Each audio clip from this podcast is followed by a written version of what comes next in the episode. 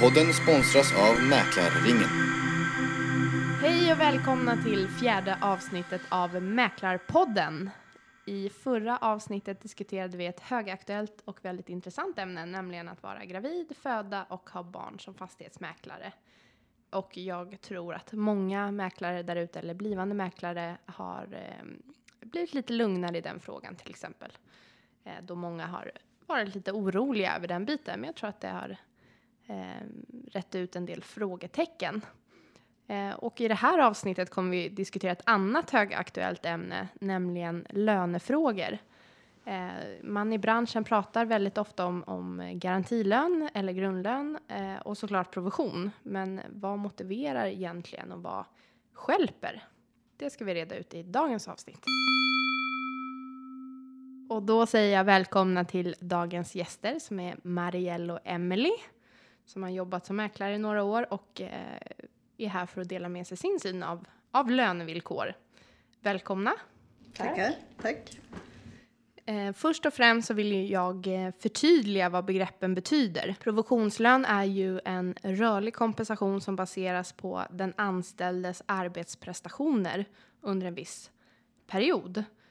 Det är den officiella eh, definitionen av det. Men i praktiken så innebär det att man får en procentsats av den provision man får från en försäljning i det här fallet.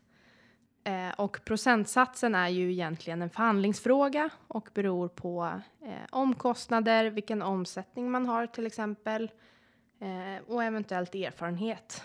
Eh, men också så beror det på vilka övriga förmåner man har som tjänstepension, friskvårdsbidrag och så vidare. Och en viktig parentes i det här är ju att professionslön är eh, även pensionsgrundande och man berörs alltså av den eh, allmänna pensionen när man har professionslön. Eh, så att det ska inte blandas ihop med tjänstepension utan det är två olika saker kan vara bra att poängtera. Att eh, provisionslön är som vilken annan lön som helst egentligen. Eh, och sen pratar man ju också om garantilön och garantilön innebär i det här fallet en lägsta inkomst kan man säga. Det vill säga att, att kommer man inte upp till en viss summa i sin provision så är man garanterad att åtminstone få en viss nivå, att få en viss lön varje månad ändå. Och det kan ju vara en trygghet i, i vissa fall. Eh, till exempel så kan vissa kontorsägare ha eh, haft garantilön till sin personal när marknaden har varit lite sämre än, än andra gånger till exempel ekonomiska krisen 2008 så var det lite tufft för vissa och då var det, var det vissa arbetsgivare som bidrog med en garantilön, vilket är väldigt generöst och bra i sådana situationer. Eh, och dessvärre så har man i vissa andra fall hört rykten om att garantilön är en tillfällig förmån eh, där man då har fått betala tillbaka den delen vid ett senare tillfälle. Men det är faktiskt ingenting jag sett i praktiken utan bara hört om. Eh, och grundlön som är det sista är eh, ganska likt garantilön egentligen. Det handlar om att man har en fast grundlön eh, varje månad och eh, vanligtvis så kanske man kombinerar med en lägre grundlön och en viss provision. Eh, kan också vara vanligt. Och sen som sagt så finns det ju andra förmåner utöver dessa lönetyper som friskvårdsbidrag och så vidare. Och samtliga de här lönetyperna är egentligen en fråga om hur man är som person, vad man föredrar, vad man motiveras av. Eh, men också kanske lite av branschen, vilka förutsättningar det ger i sitt yrke. Eh, bra, det var lite en längre utläggning om begreppen, men det är bra att vi har det på, på det klara innan vi sätter igång diskussionen. Eh, och till att börja med så, så vill jag ju höra Emily och eh, Marielles tankar. Vad är era tankar om respektive lönetyp? Ehm, jag tror att det finns en lönetyp för varje typ av person som passar. Ehm, men framförallt så, jag själv har ju en förkärlek för enbart provisionsbaserad lön. Ehm, och det är ju för att jag tycker att oftast får, har man enbart provisionsbaserad lön så, så har du ju en högre procentsats i provision också. Säljer man bra då kommer man tjäna väldigt bra. Eh, sen beroende på vilken situation man är i livet så är det säkert en fördel och som ny mäklare att ha en garantilön i början kan ju vara skönt och passande för att veta att man har en inkomst man klarar sig för att kunna satsa under en början av sin eh, karriär. En grundlön och provisionslön kan väl också vara en, en bra mm, del. Eh, kanske lite beroende på vad man har för situation, hur ansträngd ek- ekonomi man har och familjesituation och alla bitar tror jag. Och sen vad man är för någon typ av person. Jag håller med med Marielle där att det, jag tror att det mycket spelar in såklart vad det är för typ av människa. Eh, Men jag själv föredrar också helt provisionsbaserad lön. Just i och med att man kan påverka. Säljer, säljer man bra så tjänar man bra. Eh, Men sen tror jag också att, precis som Marielle sa där, att eh, i början av sin karriär när man är ny mäklare så är det nog väldigt bra eh, att kunna börja med en liten grundlön i alla fall så att man inte kommer in och eh, ska försöka få in affärer och eh, är stressad över att det, för oftast tar det ju lite tid att komma in i branschen och få, få affärer. Eh, så att då kanske det kan vara bra att ha en, en liten grundlön så att man ändå har lite att stå på. Och enligt eh, statistik så har det generellt sett ut så att, eh, eller det här är statistik från 2012 specifikt, eh, där 67 procent av mäklarna har endast provisionslön och 12 procent har en kombination av grundlön och fast lön. Och sen finns det lite övriga lösningar också. Det finns några som har eh, eh endast fast lön också. Mm. Så det speglar väl av lite det ni sa där, att, att det säkerligen är vanligast med, med provisionslön i det här yrket, för att det är det man motiveras av. I den allmänna bilden i alla fall. Men vad säger ni? Är det någon av de här typerna som också kan skälpa prestationen? Ja, absolut. Men det tror jag också är kopplat till vad man är för typ av person. Ehm, en del kanske blir jättestressade av att enbart eh, jobba på provision eller ha provisionsbaserad lön. Eh, För det är också så att är du stressad över att du inte har fått några intag till exempel eh, och utstrålar det till kunden, då får du inte in affärerna heller för att du är stressad över det. Jag tror att eh, det, det är väldigt viktigt att hitta vilken typ eh, av löneform man har.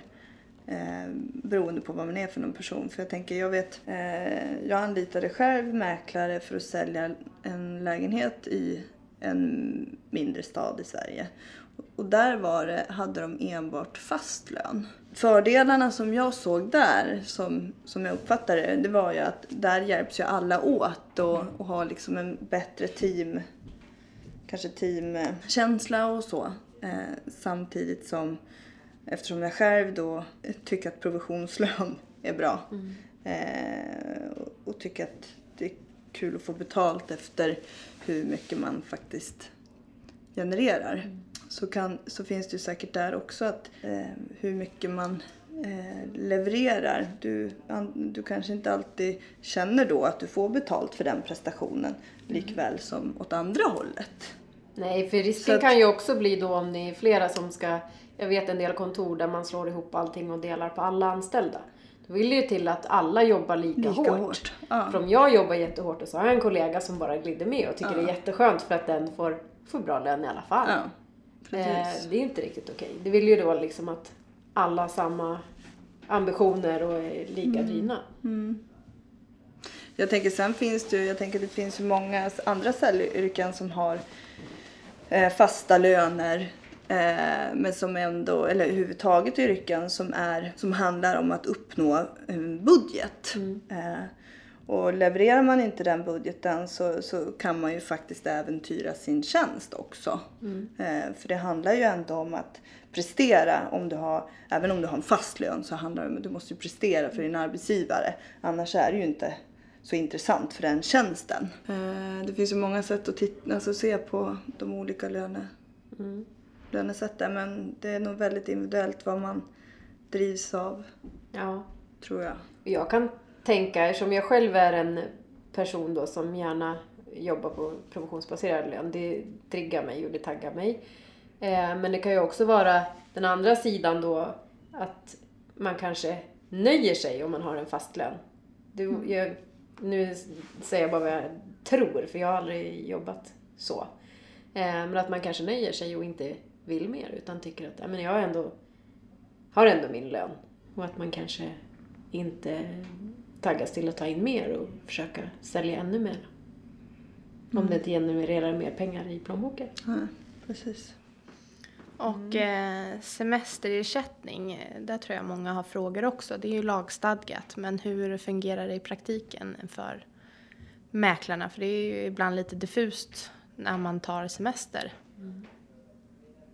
Hur fungerar det för er? Um, som jag har uppfattat det överlag i branschen så är det väldigt olika hur man eh, betalar ut semesterersättning. Om man gör det vid varje löneutbetalning eller om man gör det då man har semester. Ehm, men eh, eh, att jag tror även där, jag, jag personligen tror på att det är bra att se till att man har eh, en betald semester när man har semester.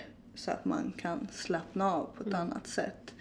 För är det så att man får semester utbetalt vid sin lön vid varje tillfälle så, så måste man ju själv spara.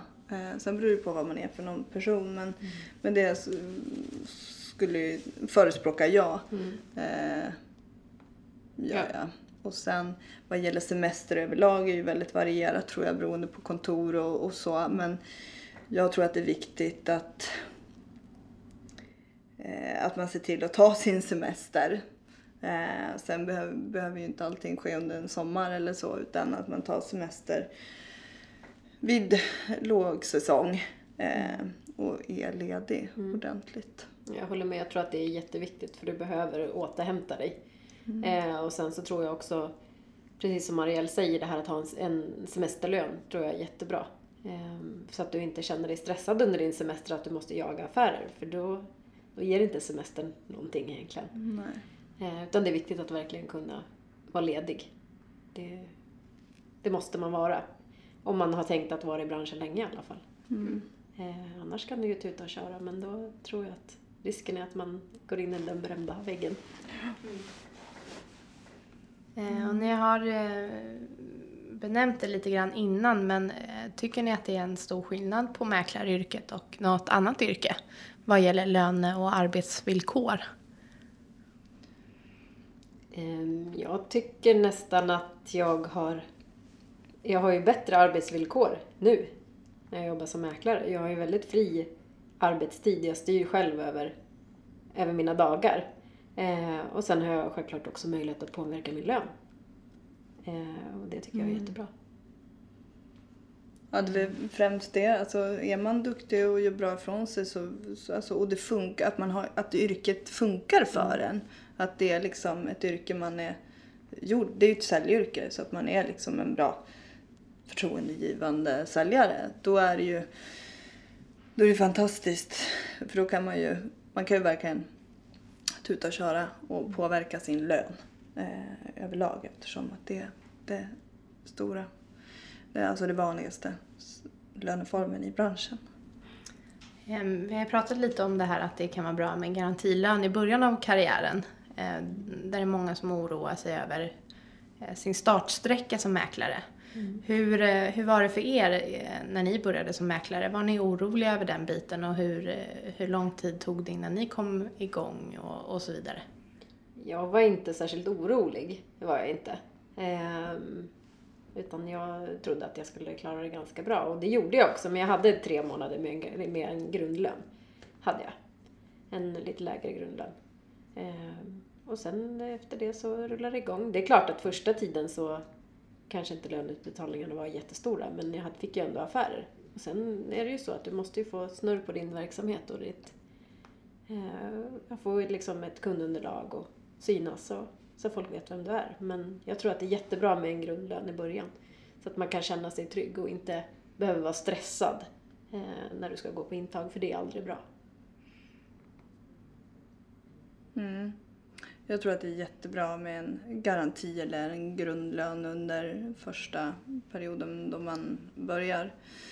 Men framförallt så tror jag att det är väldigt viktigt att man har en arbetsgivare som, som sätter upp en bra strategi, som man gör en bra strategi för att komma framåt så man har en plan för hur man ska komma in eh, och ja, komma in på marknaden och bli en bra mäklare. Att det är bra coachning och, Det är jätteviktigt. och vägledning för att komma igång. Och att det avsätts mycket tid för det.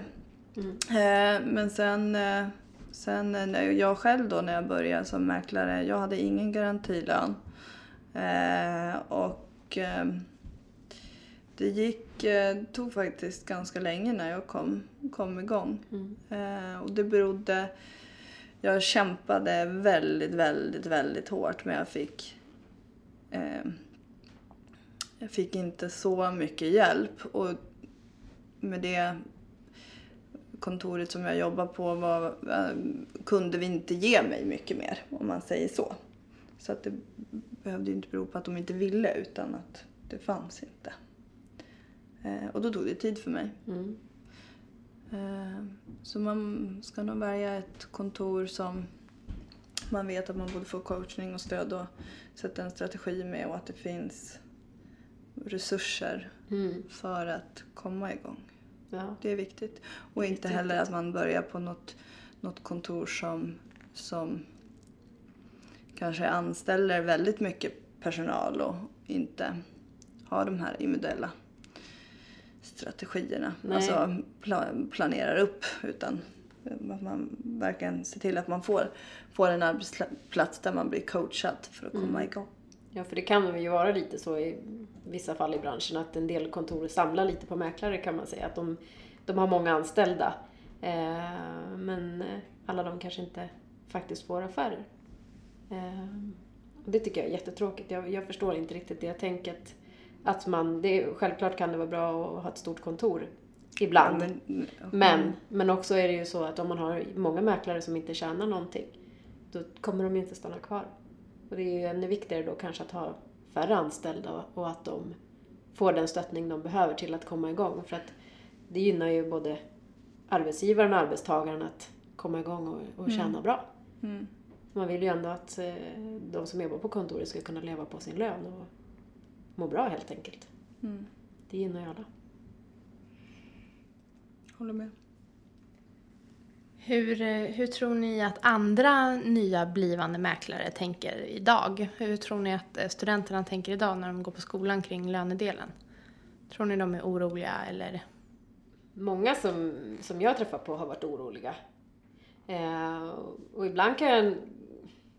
Det är klart att eh, en del kan jag tro kanske är lite oroliga i onödan och tänker att det ska bli super, super, super tufft. Det behöver ju inte bli det. Eh, utan det kan ju också bero på, som vi pratade om innan, vart man hamnar och vad, vad man har för arbetsgivare.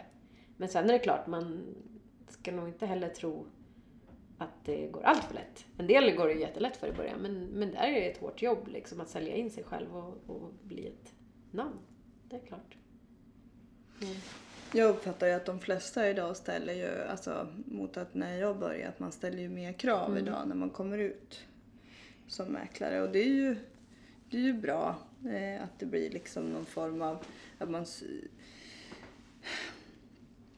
styr upp och diskuterar och ser till att, att för det är ju ömsesidigt, det ska ju vara en bra arbets, arbetsplats för den som arbetar och det ska ju vara eh, det ska ju vara en bra arbetstagare för arbetsgivaren också. Så att jag tror att eh, det diskuteras, det, min känsla är att det diskuteras mycket idag och det finns en oro hos många blivande mäklare.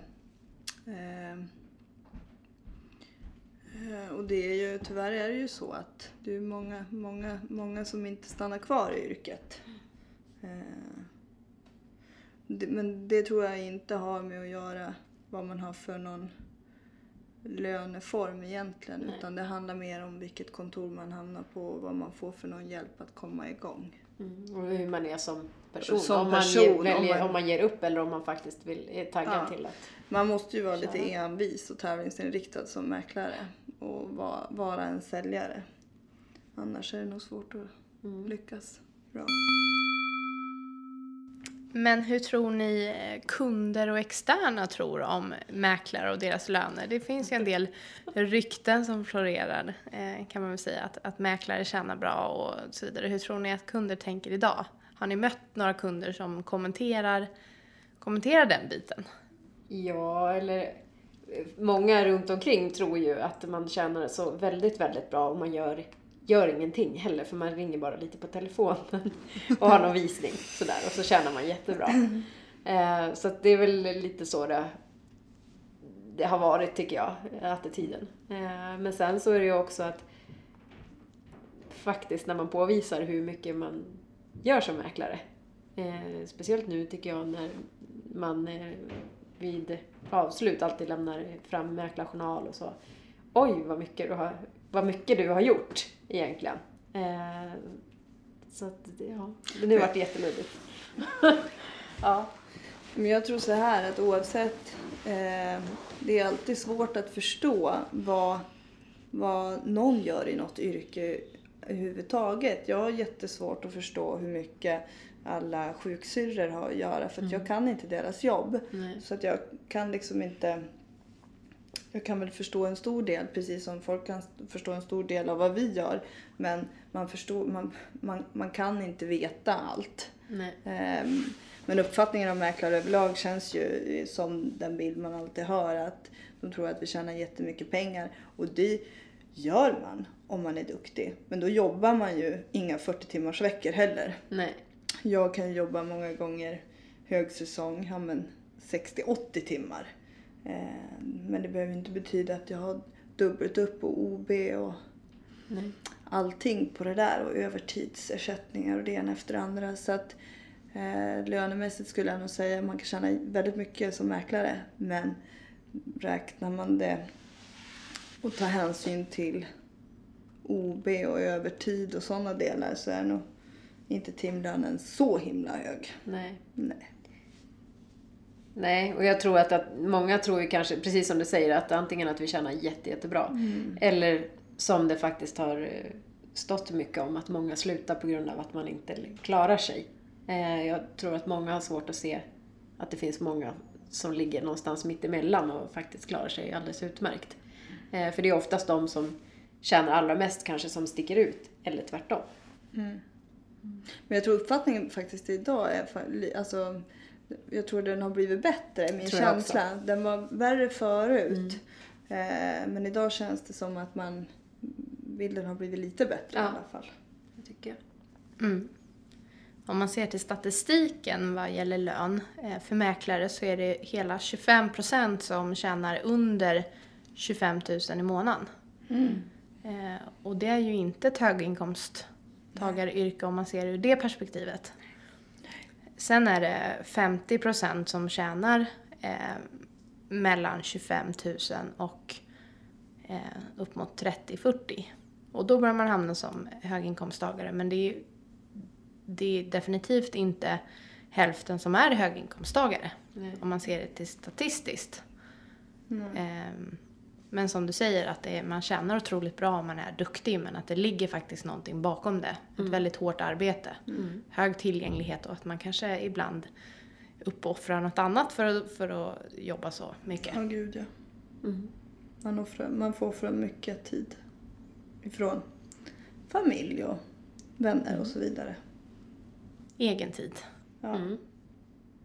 Eh, men att det, så man måste ju vara en typ av person för att, för att jobba med det. Men det finns ju som hela spannet ja. även i mäklaryrket. Man kan inte dra över, alla över en kant utan Nej. det finns ju verkligen hela spannet. Vad man motiveras av och vad man mm. vill. Mm. Och sen så tror inte jag just det här, man får ju offra en del då, som du säger Marielle, mm. men, men det är ju inte specifikt för mäklaryrket heller. För att Nej. de allra flesta som tjänar bra med pengar jobbar mycket. Det är ja, ju ytterst få som, som inte jobbar så mycket och tjänar väldigt bra. Det är ju nej. Det är väldigt få. Så det är ju alla, alla yrken. Hårt arbete. Ja. Hårt arbete kräver, eller framgång kräver väldigt hårt arbete. Så att den bilden kan vi enas om inte alltid är rättvis om man säger så. Nej. Nej. Vad tror ni, eh, kan lönen skilja sig från generationer också? Har, har ni märkt att det skiljer sig mellan generationer hur man ser på lönen som mäklare? Men menar du nu alltså som kund eller som att det är skillnad på... Som om- anställd. Har det varit annorlunda för den äldre generationen när de började som mäklare att man, eh, man såg det som på ett visst sätt, att till exempel med provision. Eh, och ser de nyare, har de högre krav på garantilön och övriga förmåner eller har det alltid varit likadant eller hur har det sett ut? Jag tror att det, de nya mäklarna, att det, det ställs lite mera krav eller lite mer funderingar kring eh, garantilöner och, och så. Mm, ja, det är min uppfattning. Jag tror förr i tiden känns det inte som att, jag i alla fall inte uppfattat att det var, inte när jag började heller, att det var någon, någonting man diskuterade så mycket. Och det, det var ju 07 så det är ju inte så himla länge sedan. Eh, och tittar man längre tillbaka så tror jag att det, det var överlag mest bara provisionslön som Mm. gällde och det var in, inte så mycket diskussioner där men jag var inte med tidigare. Jag kan, törs inte säga mycket mer men uppfattar Men, vad, nej, men vad, jag, vad man har hört från Mm. äldre kollegor så då var det ju liksom provision precis som Mm. det vanligaste är nu. Men, men jag tycker att man hör mer från yngre eh, kollegor då, eller nya kollegor att man kanske börjar ställa frågan i alla fall eh, vad gäller garanti eller grundlön. Tror ni att det kommer eh, förändras framöver? Att det kommer se annorlunda ut? Ja, jag, jag tror nog att vi kanske i branschen går eh, lite mer mot att ha en viss del fast lön kanske och en, en viss del provision. I och med att det är det som många Efterfrågan. Ja, många efterfrågar det. Eh, och att vi eh, kanske vill ha en större trygghet. Jag tror, jag tror också det. Men samtidigt är det så här, allting förändras ju. Jag menar, det är klart vi måste gå framåt och se över liksom alla arbetsvillkor. Och så är det ju i alla branscher, att man, allting är ju förändligt. Eh, och det är väl bra att om, eh, om vi går mot mer flexibla eller löner, ja, mer anpassade. Eh, kanske mer någon, någon fast del eller ja, lite så. Och det är väl, det är väl, det är väl jättebra. Ja, det är jättebra för jag tror också att eh, som trenden har varit att många mäklare slutar efter ett år. Eh, så tror jag ju självklart att vi måste försöka förändra branschen lite grann. Eh, För att vi får folk att stanna. Ja. Och då kanske man måste anpassa löne, lönen efter eh, de olika människotyperna. Mm. Det tror jag med. Så att vi får eh, mäklare som vill stanna och faktiskt vill jobba länge. Mm. Trots familj och, eh, och alltihopa. Ja. ja. Kan det vara skillnad på könen? Att killar och tjejer tänker olika kring lönen? Det tror jag. På Ja. magkänslan så tror jag det. Eh, Men jag törs nog inte säga vem som dras mer till det ena eller det andra tror jag. Jag skulle Eh. tro eh, att det eh, kanske är lite som eh, Beroende på vilken, vilken, vilken situation man är. Jag tänker Ja. om man är kvinna då och, och tänk, börjar tänka att eh, men jag ska ha barn om några år. Då kanske man mm, tänka lite. Jag vet inte. det, är ju, det är ju lite som det är i landet i stort. Det är egentligen en jämställdhetsfråga skulle jag säga. Eh, faktiskt. Att det, idag är det ju ofta så att kvinnorna eller idag, alltid, tjänar, lite, lite mindre och att det- det är mer eh, vanligt att man är hemma med barn till exempel. Vilket gör då kanske att eh, männen är mer benägna att eh, jobba för provision tror jag för att eh, kanske kunna tjäna mer och att många kvinnor då eh, ser efter trygghet. Men sen får vi ju inte glömma att jag menar, alla som blir mäklare är ju inte 23 heller. Nej. Många kan ju vara 35, 45, 50 också. Och där tror jag är man där tror jag faktiskt man är väldigt öppen. Har- Väljer man en mäklaryrke då, då är man nog ganska öppen för att det är provisionsbaserat och att man är väldigt prestationsinriktad person om man väljer yrket i, i den åldern. Eh, Och då kan jag komma här med lite statistik Ja, som, som, eh, som motsäger det här och även motsäger mina egna tankar också kring det hela. Och det är att eh, vi pratade om tidigare att 67 procent generellt i branschen har endast provisionslön. Eh, 12 procent har Eh, fast lön och 11 procent har en kombination av fast och provision. Eh, och att eh, tvärtom vad vi har pratat om egentligen är att de som har varit verksam mäklare kortare tid har en högre grad av provisionslön. Att bland mäklare som har varit verksamma i 0 till 3 år så är det 82 procent som har provisionslön. Eh, motsvarande de som har varit verksamma i 4 till 10 år, då är det 70 procent som har provisionslön. Så det minskar alltså. Eh, vilket är föga förvånande tycker jag. Att det borde vara tvärtom. Om man är mer Ja, etablerad, att man vill ha mer provision. Eller så kanske det kan vara så att eh, om man börjar i ung ålder så har man jobbat några år och sen är det dags att skaffa familj. Då kanske man vill förhandla, Förhandla om. förhandla om eller ha en viss del fast lön kanske. Om Ja. man tänker så. Om man har känt på yrket ett tag och börjar bilda sig en uppfattning om vad Mm. som skulle vara en bra nivå för en själv. Ja, Liksom. man vill ha lite trygghet där kanske. Och sen vet man ju inte, eh, det står ingen statistik eh, om eh, hur många som är kontorsägare till exempel eller chefer. För jag kan ju tänka mig att, att där skiljer det sig också i och med att man också är chef och inte bara mäklare och att man då kanske kombinerar på ett annat sätt. Mm. Så det säger inte statistiken men jag kan tänka mig att det kan vara en faktor till att det minskar med, med tiden man har varit verksam. Men så är det ju. Många blir ju, jag tänker det är många som kanske får någon delägarskap med tiden. Mm. Det är ju många, många mäklare som erbjuds det med, med att man är duktig och varit med Mm. länge och så. så För här står det också då att eh, har man varit verksam i mer än 10 år så är provisionsandelen 56 procent. Ja, det tycker jag är ganska stor skillnad. tydligt att Ja. något sånt Ja. ja, visst. som påverkar statistiken. Ja. Ja, men det är klart. Och där är en annan sak som, eh, som motsäger det vi sa tidigare att, att eh, det är högre andel kvinnor som har eh, provision Mhm. kontra män. Men att det också kan skilja sig då ju äldre man blir. Men eh, det står det att generellt så har kvinnor högre del provision Mm. än män. Ja, intressant. Mm, jätteintressant. Men man, behöver, man skulle vilja, vilja ha mer, mer underlag på den där statistiken tänker jag. Veta vad som, andel eh, aktieägare eller liksom. Mm. Ja, lite orsakssamband. Ja, vad, vad ligger bakom egentligen? Ja, precis. Eh, sen står det också då, eh, som stämmer överens med det vi trodde, att kvinnor tjänar i genomsnitt mindre än män. Eh, att det är fler andel kvinnor som ligger i lägre inkomstspannen och det är fler män som ligger i den högre inkomstspannen. Mm. Eh, så det var lite vad vi trodde. Och varför, det vet man ju inte. Det är delvis kanske då att man, som du nämnde Emelie, att man är i högre grad föräldraledig eller, eller andra bitar som kanske stämmer överens med samhället i stort. Ja, det tror jag. Där tjejer ska ta för sig mer och förhandla upp sin lön.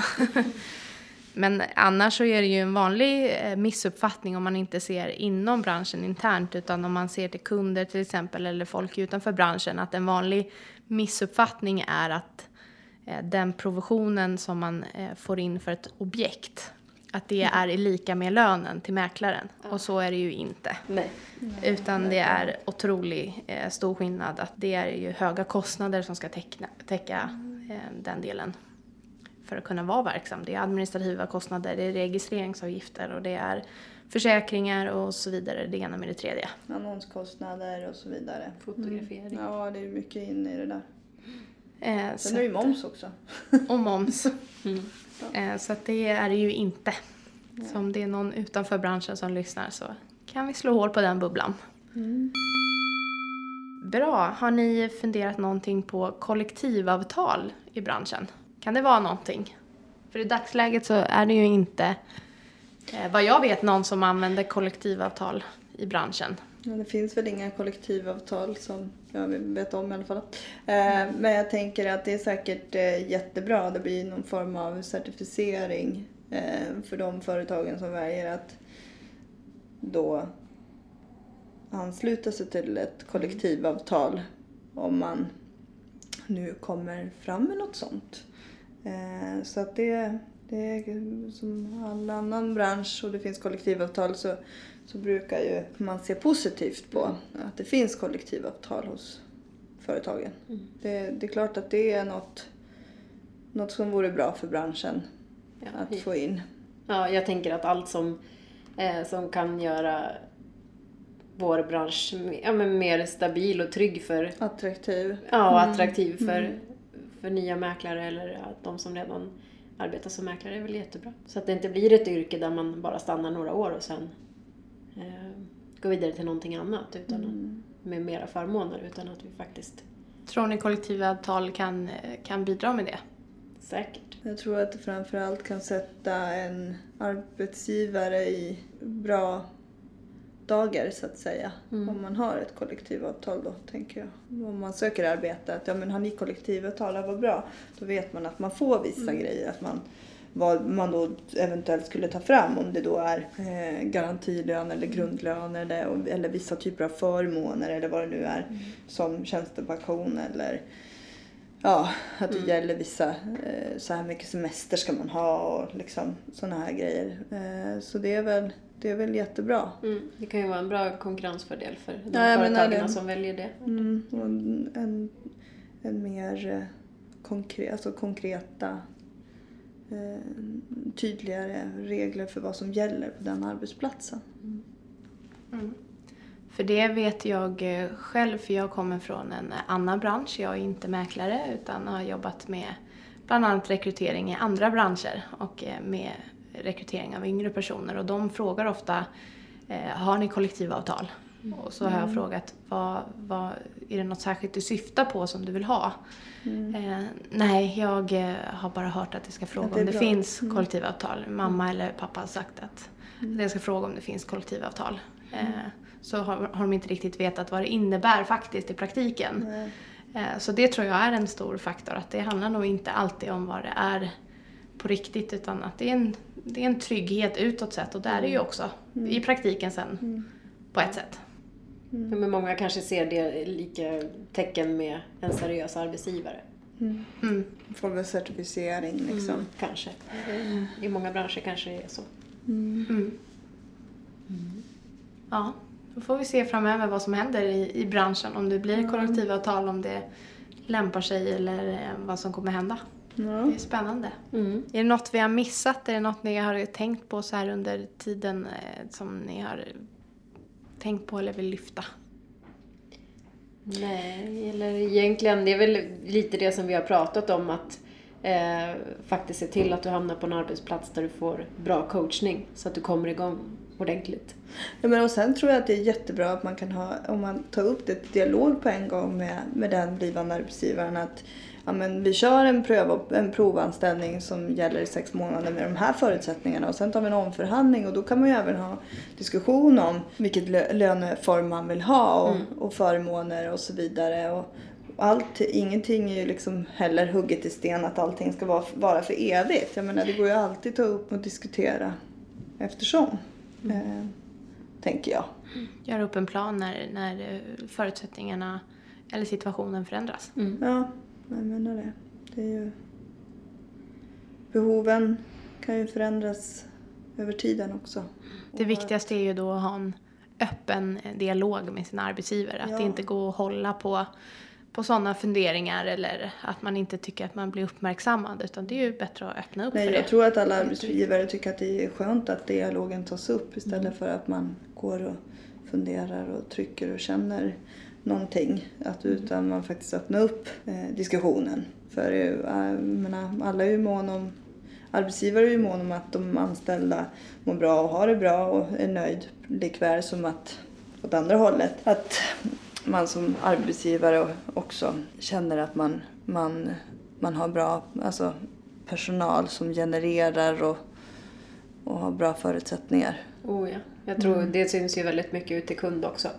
Eh, om man mår bra, om man har kul på sitt Ja, arbete. ja men så är det. Om det är bra stämning på kontoret. Och, Ja. Så det, det märks jättetydligt. Har jag fått höra i alla fall av kunder. Mm. Att det kan vara en väldig skillnad. Mm. Absolut. Men vad bra, det var faktiskt fjärde avsnittet. Eh, bra jobbat Tack. och intressant diskussion tycker jag. Eh, Jätteintressant. Det det är ju väldigt aktuellt ämne så att säga. Eh, och hoppas ni där ute vill fortsätta följa Mäklarpodden. Gå gärna in och gilla vår Facebook-sida. Eh, skriv en kommentar kanske, önskemål på ämnen. Eh, och där hittar ni också länkar till alla våra avsnitt. Vi finns just nu på Soundcloud, iTunes, Youtube och Acast. Så ni kan välja var ni vill lyssna på oss. Tack och hej! Tack.